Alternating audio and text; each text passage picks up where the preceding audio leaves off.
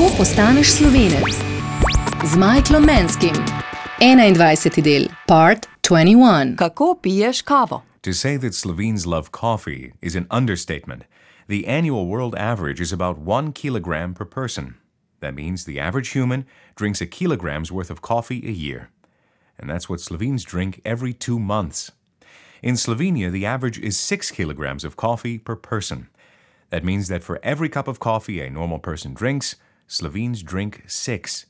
They drink more than Americans, more than Germans, more than Croatians, and more than Serbians. Slovenes, on average, drink more coffee than any country in Asia, Africa, South America, or Australia.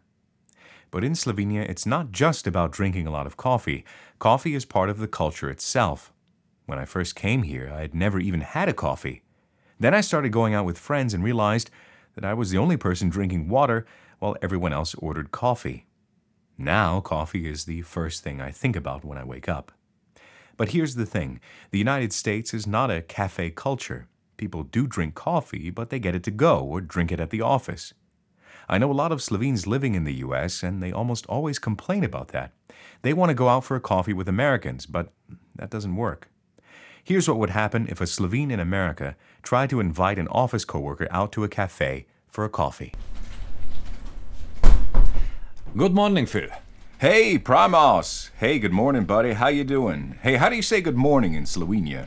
Uh, dobro jutro, and I'm very well. Great, man. Hey, dobro utero to you too, buddy. Uh, thank you. Uh, listen, Go ahead, man. I'm listening. I was thinking about going for a coffee. Hey, man, you know what? That's a great idea. Tell you what, can you bring me back a vanilla frappuccino?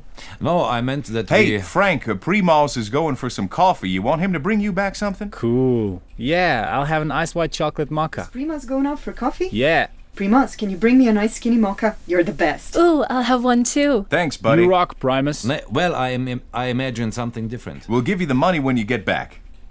Pa, verdamme Američane. Never mind going out for a coffee. It's not unheard of in the US to eat your lunch in the office or to even eat something while you continue working at the same time. While Slovenia's cafe culture is great, there's one big problem with it. Once you get used to it, to sitting outside with friends and drinking coffee, and getting used to the idea that there's more to life than work, it can be a very hard thing to give up, especially when you want to enjoy a nice cup of coffee and enjoy a dobro utero. How to become a Slovene. With Michael Manske.